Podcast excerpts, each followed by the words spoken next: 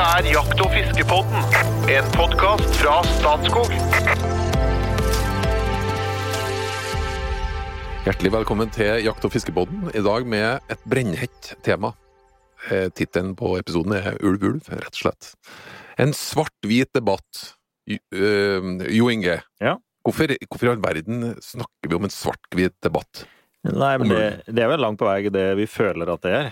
At det er sterke meninger på begge sider. Mye følelser. Og, og det er liksom litt skyttergravskrig, føler jeg da. At det liksom begge sider er veldig bastante, og ikke spesielt eh, flinke til å prate sammen.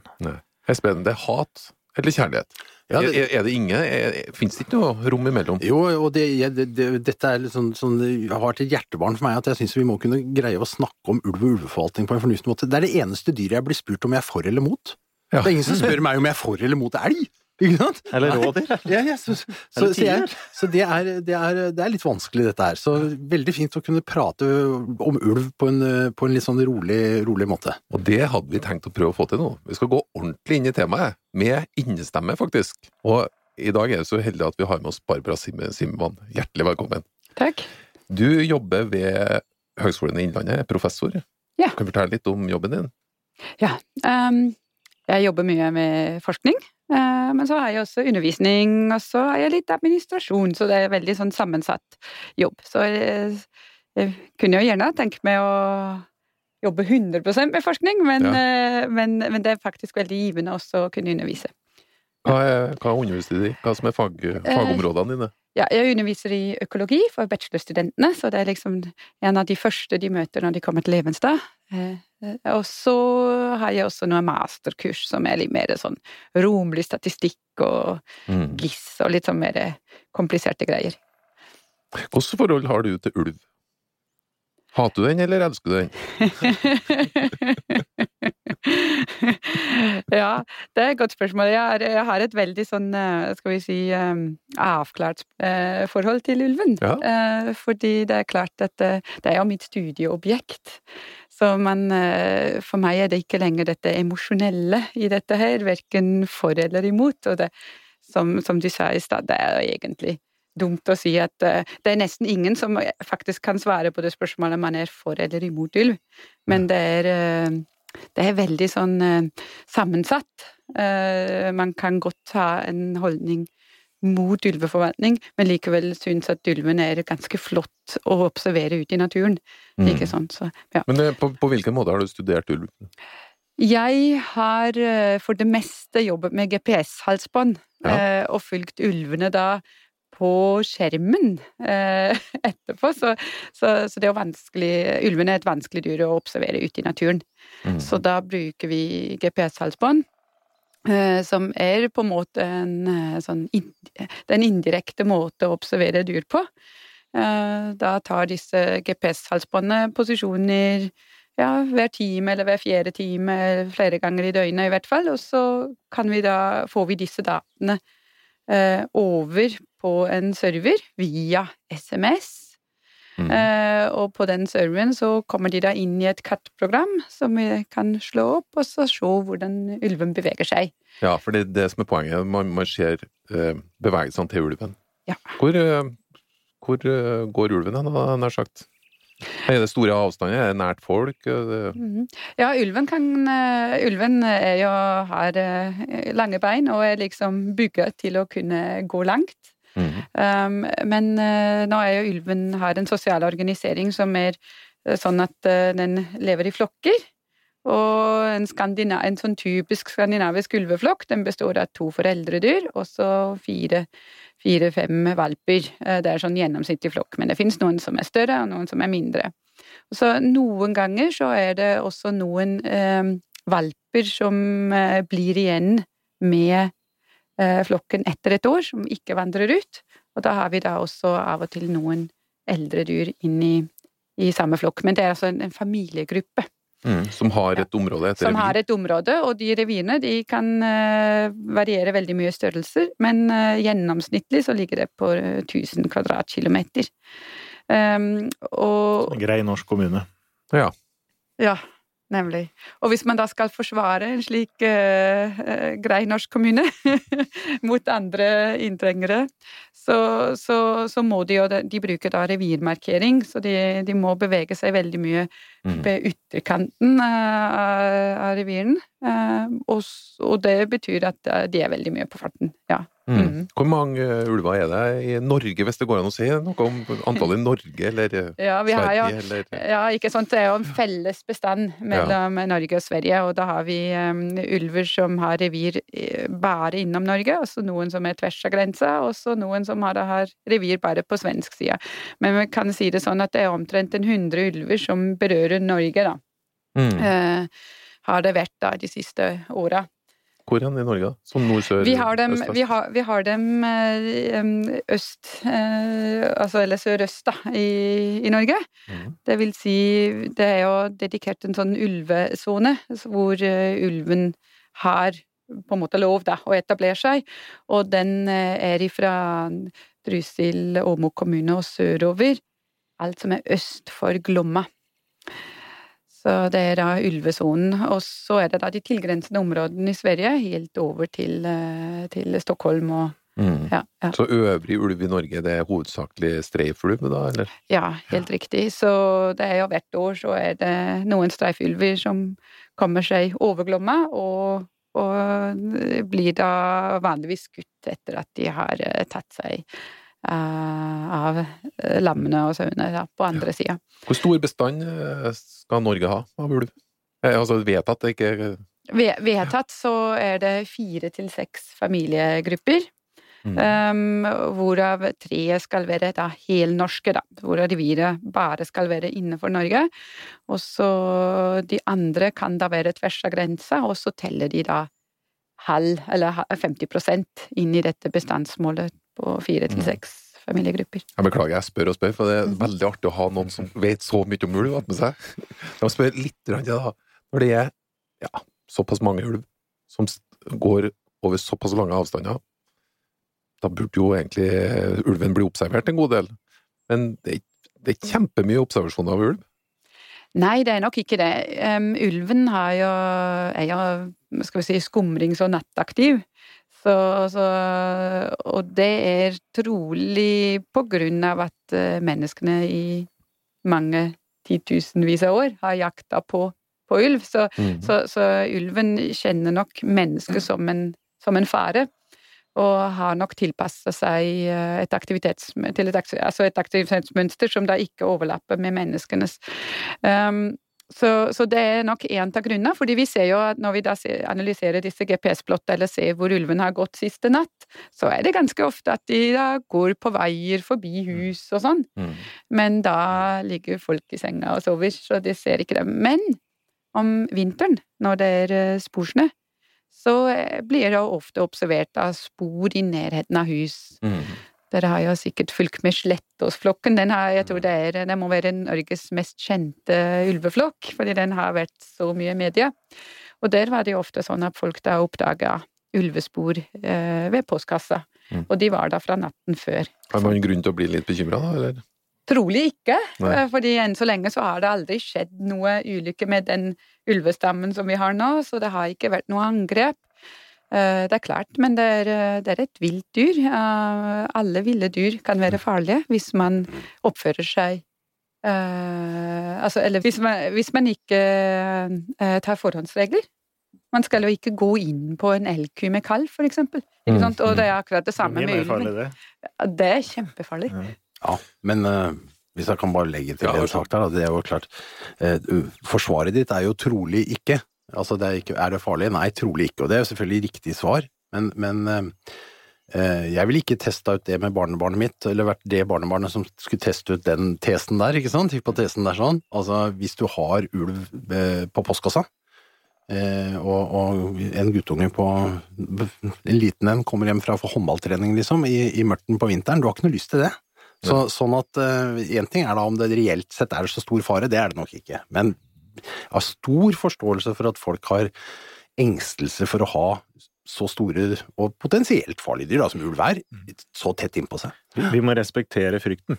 Ja, Det, det tror jeg. Folk er jo redde for å kjøre fly eller ta heis eller hva det måtte være. Så vi Ja. må respektere frykten. Det er jo Ja, det er reelt Helt for den, enig. den og- som opplever det. Helt enig, og, og vi må også respektere eh, Vi må også respektere ulven. Eh, for eh, som sagt, det er et vilt dyr, og, og, og det kan Altså, den ungen den kan jo også ha møtt deg på en elg osv. Så, videre. så det, det er mange farer der ute som man ikke vil utsette sine barna for. Mm. Så man må ta forhåndsregler. Absolutt. Hva er ulvens, bortsett fra mennesket, hva er ulvens uh, største fiende? Har den, har den naturlige fiender? Nei, for så vidt ikke. Det er, det er så det, Ulvevalpene, da de er nyfødt, de er selvfølgelig utsatt for å bli tatt av eh, andre rovdyr. De er bitte små. Da snakker vi om ørn, gaupe, Ja. ja. Ja, bjørn så- kanskje? Ja, bjørn også. Mm. Jerven og så, så Men nå er det jo slik at eh, som sagt, eh, ulven er et familiedyr, så det er det to voksne til å sørge for at det går bra med oppveksten. Um, det er faktisk noe som jeg ofte tenker kanskje utløser litt av den fascinasjonen menneskene likevel har overfor ulven, det er at den familiestrukturen ligner litt på Mm. den eh, strukturen som vi i hvert fall eh, favoriserer i, i vår kristenverden her, da. Mm. At det er, at det er eh, mor og far og, og, og ungene. Og, og, vi ser jo da på bevegelsene, når, når vi har GPS-halsbånd både på, på hannen og på tispa, under uh, hi-perioden, så ser vi at de gjerne tar hver sin tur. Sånn at det er en voksen ved hiet, og den andre går ut og jakter. Mm. Ja. Er, du, du sa noe om bestandsmålet, og nå skal vi begynne å nærme oss det som eh, ja, skaper stor konflikt. Det ene er selvfølgelig frykt blant mennesker for å møte ulven for at en skade skal skje. Og så er det, det er to ting som virkelig har eh, hardna til debatten. Det ene er uttak av ulv, altså jakt på ulv. Redu, reduksjon i bestanden. Ja.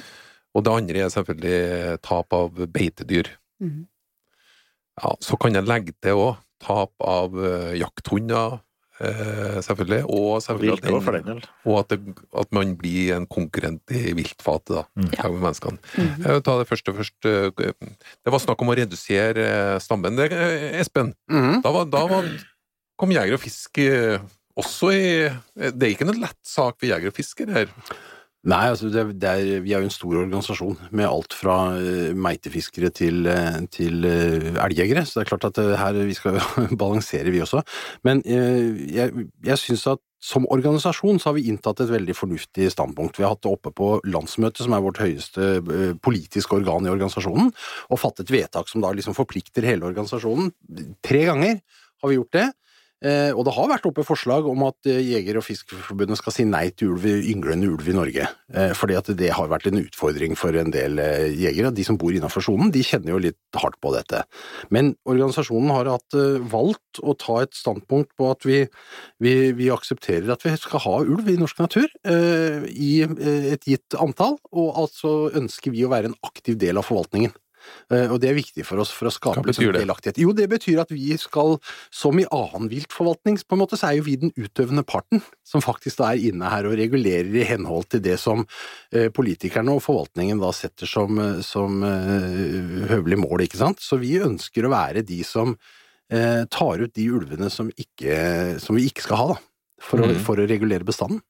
Eh, og det, det, det er en, det er en, en Vi er verktøy i hånda eh, til forvaltningen, ikke sant? Vi er hammeren til, til snekkeren her, på en måte. Og, og den rollen prøver vi å ta veldig ordentlig og skikkelig. Altså vi, er veldig sånn, eh, vi driver opplæring eh, i denne formen for jakt. Det er jo litt annet å jakte ulv enn det er å jakte andre dyr. Og, og har etablert liksom rovviltskytebaner, eh, vi har mediekurs for de som skal ut, for at vi vet at det er stort trøkk her, sånn at vi skal oppføre oss ordentlig, osv. Så, videre, og så, videre. så vi er veldig sånn seriøse i tilnærmingen på dette.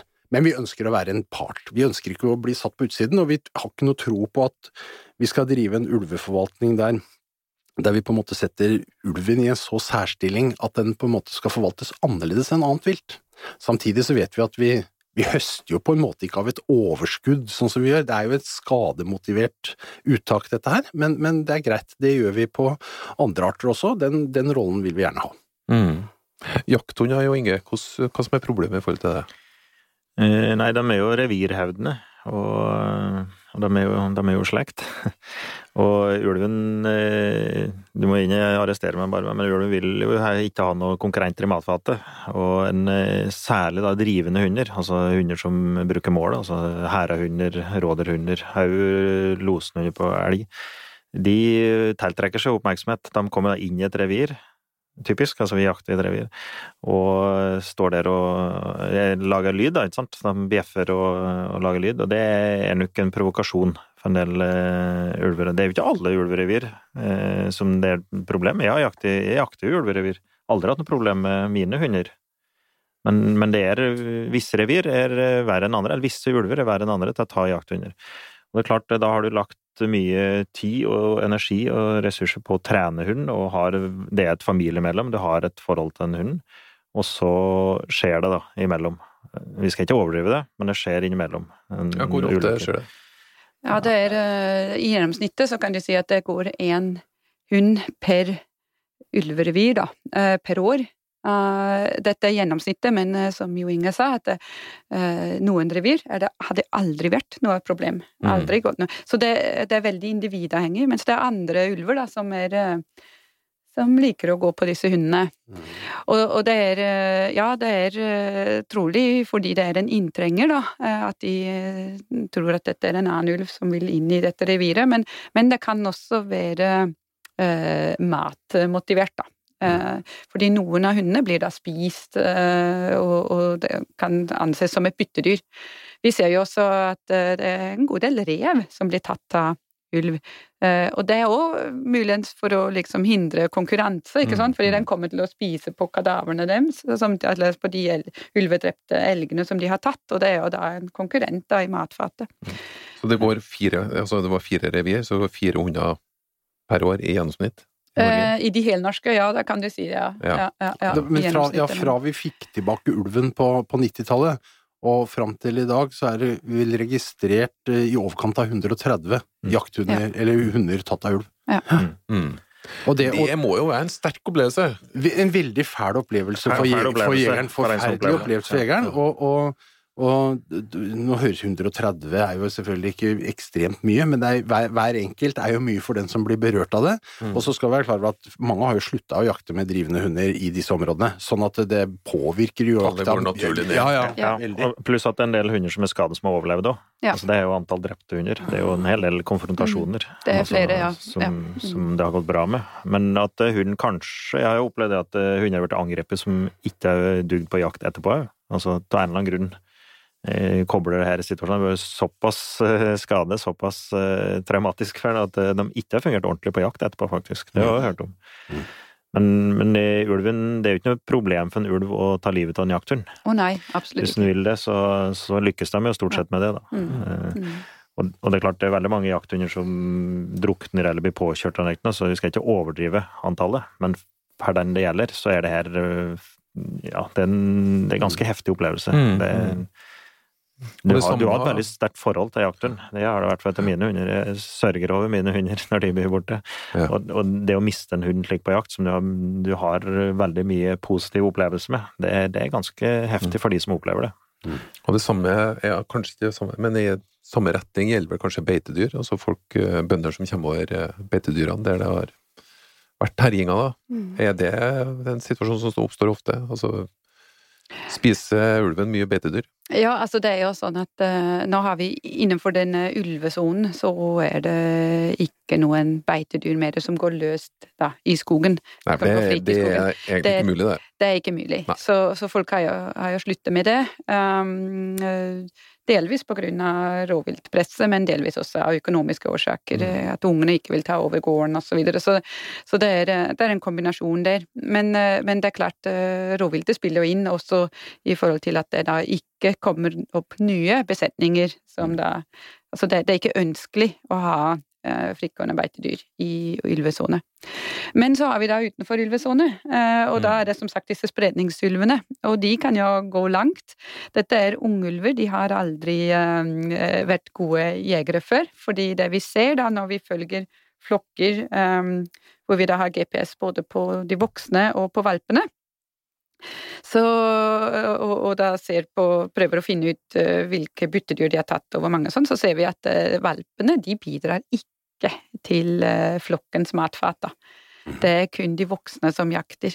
Um, store dyr, da, de kan av og til ta noe smått, de kan ta en tiur og sånn, men, men, men, de tar ikke elg.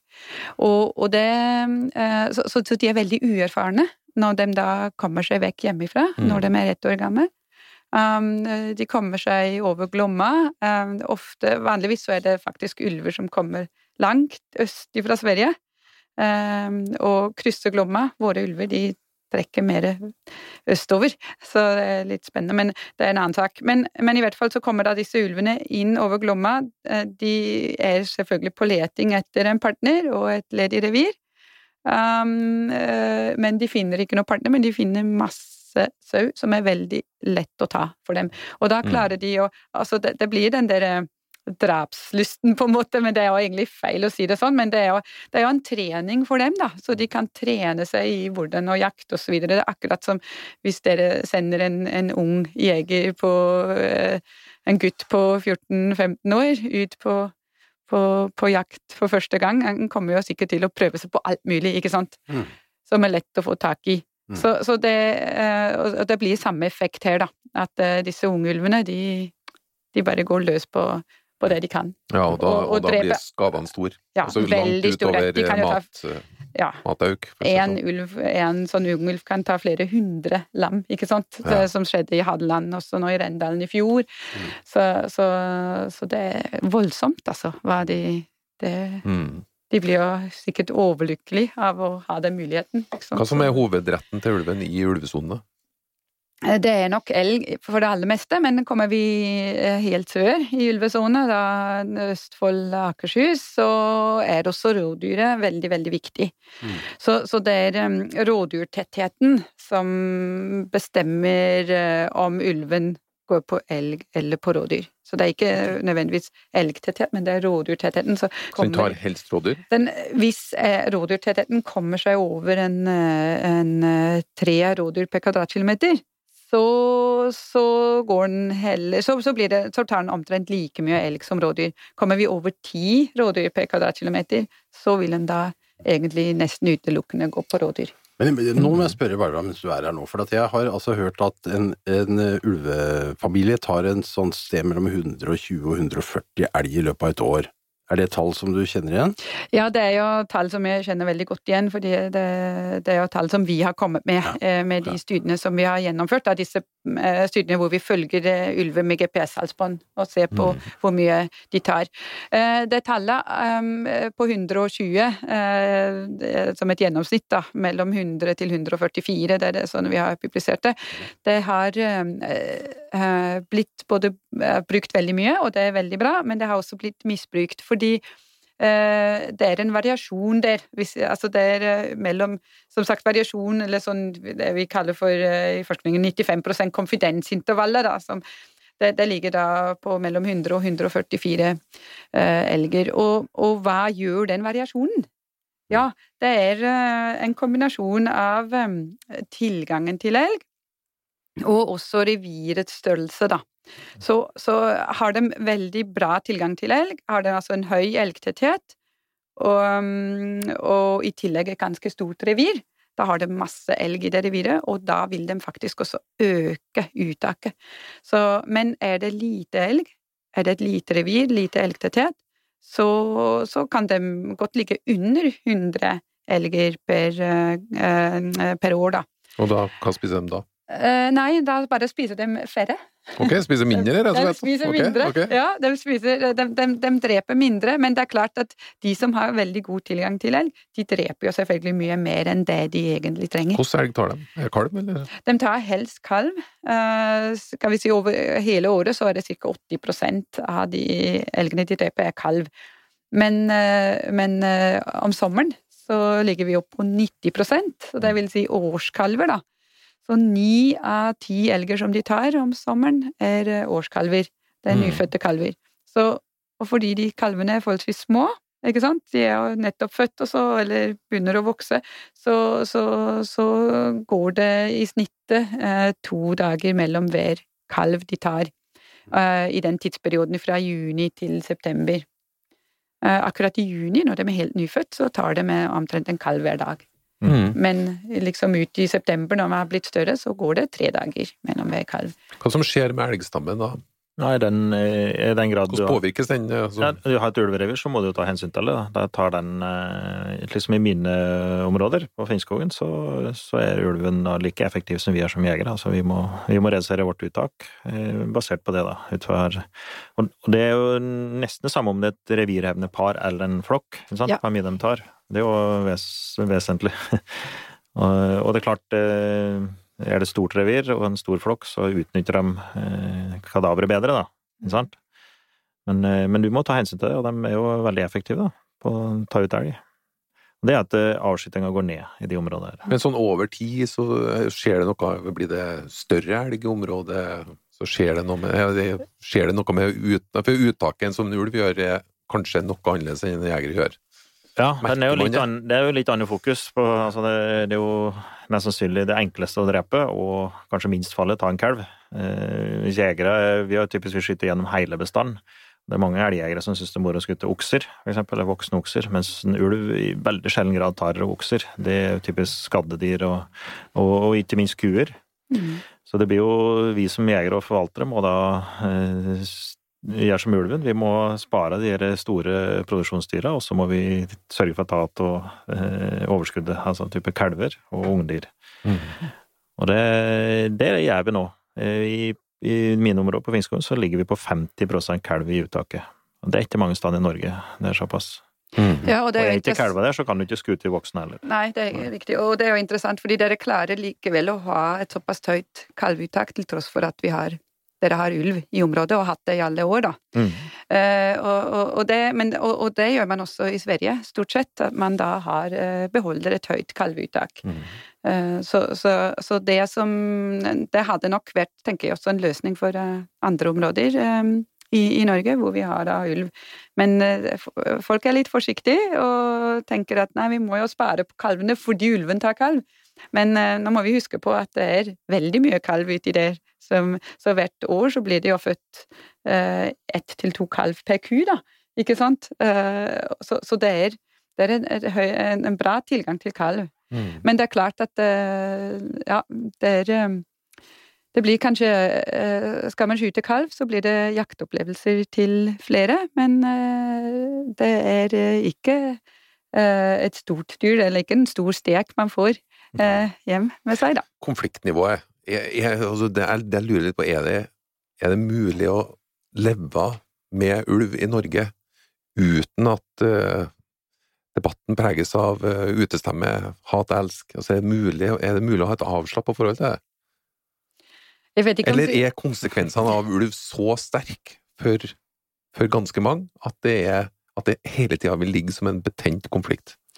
Eh, I utgangspunktet, så eh, hvis man eh, ser på hvor stor prosentandel av befolkningen som er direkte berørt av ulv, så er den minimal. Det er veldig få som har en sånn direkte negativ eller positiv opplevelse av å ha ulv i området. Men det er klart, det, det, det, er jegerne som er sterkt berørt, det er grunneierne, så rettighetshaverne. Og så er det en del folk som er redd for som, altså, som har frykt, de er også berørt, altså de som da bor i disse områdene. Men, eh, men eh, altså jeg bor jo sjøl midt i, i ulvelandet, i ulvesone, og, og, og de aller fleste mm, som jeg snakker med, eller som jeg har omgang med sånn i det daglige, de, de har ikke noen sånne sterke formeninger om det, fordi de, er, de har ikke noe sånn direkte eh, konfliktflate, på en måte, som, eh, som har med ulv å gjøre. Ja, men det, det, dette er jo akkurat nå, dette er jo litt interessant, for vi har jo, eh, vi har jo hørt nå at, eh, at ulv, det å ha ulv rundt seg, eh, det påvirker i hvert fall noen av oss, og vi som er jegere blir påvirket av ulven, de som bor i området. Det, det, men det er jo selvfølgelig bare de som, som bruker området, så det er jo, det er jo begrenset mengde, men for disse så, så oppleves dette ganske sterkt, og det tror jeg er noe av grunnlaget for det sterke engasjementet som er hos disse også, selvfølgelig. Men så tenker jeg at skal man skal man klare å lære seg å leve med ulv? For det er jo, altså, Stortinget har sagt og bestemt at vi skal ha ulv i Norge. Eh, og da, i et demokratisk system, så forholder vi oss til det. Da skal vi ha ulv i Norge. Men, og de har også sagt noe om hvor eh, primært vi skal ha ulv. Eh, og så blir ikke det fulgt opp i praksis. Altså, det oppleves ikke slik av de som bor innenfor området, altså innenfor ulvesonen. De føler at de havna i en litt sånn reservatsituasjon. Eh, og, og, og, Stortinget har sagt et bestandsmål som var fire til seks familiegrupper, hvorav tre helnorske. Eh, og så har vi eh, nesten det dobbelte. Det? Og, ja, nemlig hvorfor det. det. Dette er vanskelig å forstå, og det er det jeg tenker at hvis man man må ha en forutsigbar forvaltning som er forståelig for folk flest, for at man skal få en akseptanse for at vi skal leve med ulv. Skal vi lære oss å leve med ulv, så må vi ha en forutsigbarhet i forvaltningen. Dette er en veldig stor frustrasjon som avstedkommer fakkeltog i Oslo en gang i året, ikke sant? for folk går inn og er litt sånn rasende, hvor de egentlig sier at nå må dere høre på Stortinget, hva Stortinget har bestemt. Mm. Nei, grunnen er jo at det, altså det bestandsmålet i seg selv er ikke nok til at vi har nådd bestandsmålet, er ikke nok til å ta ut ulv. Altså, det må være et dokumentert eh, skadepotensial ved å ha ulver, og det skadepotensialet det kan være bufe, det kan være at den tar jakthunder, men det kan også være frykt, for det har Stortinget sagt noe om, altså i naturmangfold, eller altså i, i paragraf 18c som vi snakker om, så skal det altså være rom for også å gjøre en, en, en litt mer sånn skjønnsmessig vurdering av den, hva skal vi si, samfunnsmessige påvirkningen det er å leve med ulv tett på seg. Men, men, men dette, og dette blir en debatt hele tida, så dras vi da på den ene siden så har vi forpliktelser i forhold til Bernkonvensjonen som sier noe om hvordan vi skal forvalte store rovdyr, vi har en naturmangfoldlov som forteller noe om hvordan vi skal forholde oss til dette her. Så, så, det er ikke sånn, det er liksom ikke rett fram og enkelt. Det er ikke sånn at når vi kommer til fire familiegrupper, så bare tar vi ut fortløpende det som kommer over, det gjør vi ikke. Mm. Men det skaper en det motsatte av en forutsigbar ulveforvaltning. Det skaper en uforutsigbarhet, man mister litt sånn tiltro til systemet, for man skjønner ikke helt hva det er som er utløsende faktor for at det faktisk skal kunne tas ut ulv. Og så mister vi kanskje den muligheten til å kunne ta ut ulv som har vært i et område over lengre tid, og på den måten drive en form for byrdefordeling, for det er jo faktisk en byrde å leve med ulv tett på hvis du er jeger, for eksempel. Mm. Så det å komme liksom over i et regime hvor vi Altså, jeg har prøvd å forklare det sånn at vi, vi utrydda jo ulven historisk sett i Norge, ikke sant? Ikke noe å være stolt av det. Og så hadde vi en total fredningspolitikk i mange år, ikke sant, hvor alt var fredet, men nå er vi altså kommet over i en fase som vi kan kalle en forvaltningsfase. Vi må finne gode forvaltningsmodeller for å leve med ulv. Eh, og da er liksom dette med delaktighet, forståelighet og forutsigbarhet, det er veldig viktige elementer i dette. Så vi håper at vi liksom kan komme dit, og slutte å krangle om du er for eller mot ulv, men mm. hvordan skal vi leve med ulv? Selv vi som er jegere, må det. Ja, for, for så, som du ser, vi hadde jo en uh, periode der vi var mot ulv. Den ble nesten utrydda. Ja. Og så var vi for ulv, den ble helt freda. Og så skal vi forvalte, forvalte den. Men det er mange som henger igjen i den der fredningsbiten ennå. Ja, det, altså, det, sitter, det, sitter, i litt ennå, altså. Jeg må innrømme det. Jeg møter mange som er der ennå. Tar en dusj, og så er kanskje ulven borte. Han, han, blir jo ikke det, vet du. Det, det, her er bestemt. Det er faktisk et flertall på Stortinget som har bestemt at det skal være slik. Mm. Men, men, kanskje jeg kan spille spørsmål til Barbara, for det er typisk den ting jeg møter veldig ofte, eller jeg hører òg på foredrag, det er eh, at eh, det er forskere mye Forskere blir beskyldt for mye rart, men eh, det framskaffer altså Skandus framskaffer bestandstall. Og forskning blir typisk da beskyldt for at at det er feil, eller at det er mer ulv enn forskere sier. Eh, kan du fortelle litt om det? Altså, eh, her som du eh, skaffer data, altså skaffer mm. bestandsdata, og òg her som ville skje hvis du hadde blitt tatt for å jukse på det, for eksempel. Mm. Jeg kjenner jo litt til mm krav til forskningen. Mm. Mm. Og, eh, ja, for det er vel mer ulv enn dere sier? det er det vi hører, i hvert fall. Og ganske sterke personligheter òg som mener det. At det er mer ulv enn du ja. sier. Få høre nå, Barbara. Ja, det er mange der ute som teller. Ja, så er det. Men eh, nei, det er jo sånn at uh, for å telle ulv, så eh, gjør man det i dag um, ved å finne DNA. Og det finner vi da i møkka til ulven. Men for å kunne finne all den møkka, så må vi spore. Så det spores ulv over lengre distanser for å finne nok møkk. Um, og, og, da uh, blir da disse eh, prøvene sendt inn til, uh, til Rovdata, Nina, som da analyserer dette her på individnivå. Så nå er det slik at det er ikke Skandulv som hadde ansvaret for å telle ulv, men det er det er eh, Høgskolen i Innlandet sammen med SNO. Så de har et delt ansvar på det på norsk side. Også på svensk side så er det da Viltskadesenteret. Det svenske viltskadesenteret heter det. Um, uh, og de samarbeider da om en årsrapport hvert år.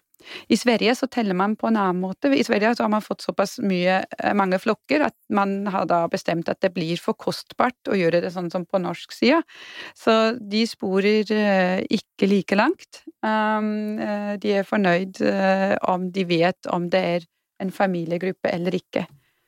Og så ut ifra antall familiegrupper så bare ganger de opp med en sånn omregningsfaktor. Eh, inntil nå så har den vært på ti, men nå har det kommet en ny rapport som har redusert denne litt, så det blir litt spennende hva som skjer der. Men eh, ja, og så sier man jo hva det er da altså ti ganger så mange ulver som det er eh, familiegrupper. Um, i Norge fordi vi har et slikt veldig konkret bestandsmål fra mellom fire til seks. ikke sant? Det blir veldig sånn konkret. Så må vi faktisk telle hver eneste ulv. Uh, så, så, jeg vil si at den ulvebestanden vi har i Norge, det er den Altså, er den man har best oversikt over i hele verden. Det er ingen annen ulvebestand som finnes som er så godt overvåka mm. som akkurat denne her. Så, så, så, men det er jo veldig, som sagt, det er en del sånn mistanker om at, ja, at vi underslår at det er egentlig flere ulver uti der og sånn. Men jeg tror det har veldig mye med ulvens, uh, ulvens atferd å gjøre, at folk mener det. Fordi det er slik at den familiegruppen som vi pratet om i stad, som, som, er så på en måte veldig sånn menneskelig, fordi det består av disse foreldre og valpene og sånn, de er faktisk ikke så mye sammen som man ville tro. De går veldig ofte atskilt allerede i november-desember, så, så kan valpene gå for seg sjøl, til og med en enkel valp kan gå helt for seg sjøl, eh, men fortsatt er innenfor reviret. Så da kan man fort observere spor av flere ulver eh, på forskjellige steder, men mm. samtidig, da. På forskjellige steder i reviret samtidig. Og det, og det er klart det gjør at folk begynner å tro at det, er, det må jo være mange flere flokker uti der. Mm. Er, er, det noen som tror at uh, forskerne har en veldig klar agenda for ulv? Det er sikkert. Så møter, møter du det?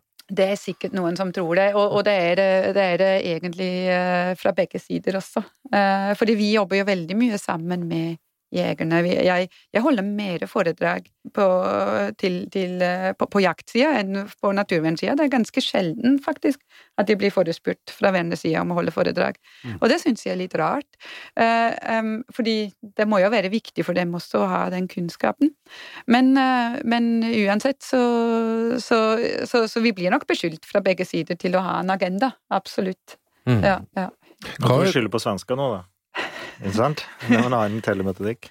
Ja. Teller du eksakt? Altså er det eksakt antall individer, eller er det minimumsmål? Det er, um, det er jo Så godt som mulig er det eksakt, men det er klart vi kan ikke utelukke at vi har mista en valp her eller der.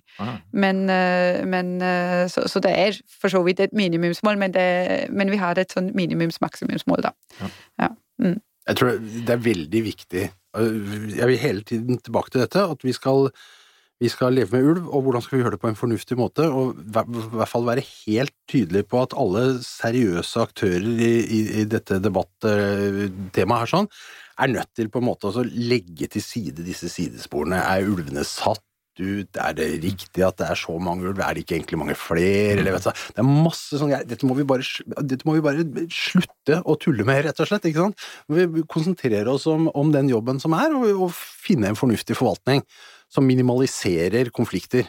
Det er jo det som må være målet her, for alt. Mm. Så ja, nei, vi opplever fra Jeger og Fisk sin side i hvert fall at, at, det vi får av tall fra Rovdata og sånne ting, så det er etterrettelig, og det er, og det er det vi skal forholde oss til. Hvis ikke så kan vi jo nesten ikke diskutere, for da er vi på forskjellige planeter igjen med en gang. Jeg følte vel egentlig at det gikk an å ha en eh, ja, nærmest 40 minutters diskusjon om ulv på herre bruk innestemme. Det gikk an, det. Eh, jo Inge, er du for eller mot ulv nå? Nei, det, du kan ikke være for eller mot ulv. Men det, det er enklere å forvalte elg og enklere å jakte elg uten ulv. Det er det. Men jeg har veldig stor respekt for ulven, og jeg har veldig stor respekt for den jobben som Barbara er. Og jeg har sett mye ulv, og jeg omgås ulven, og jeg forholder meg til det. Mm. Og det er vel konklusjonen, at det det er, ikke så veldig hensiktsmessig å være for eller mot. Ikke hat eller elsk, men akseptere en situasjon og prøve å håndtere den best mulig. Med disse bevingede ord så går vi ned for landing. Ulv Ulv, hjertelig takk for eh, besøket, Barbara Simvad. Velkommen til nye episoder i Jakt- og fiskepodden.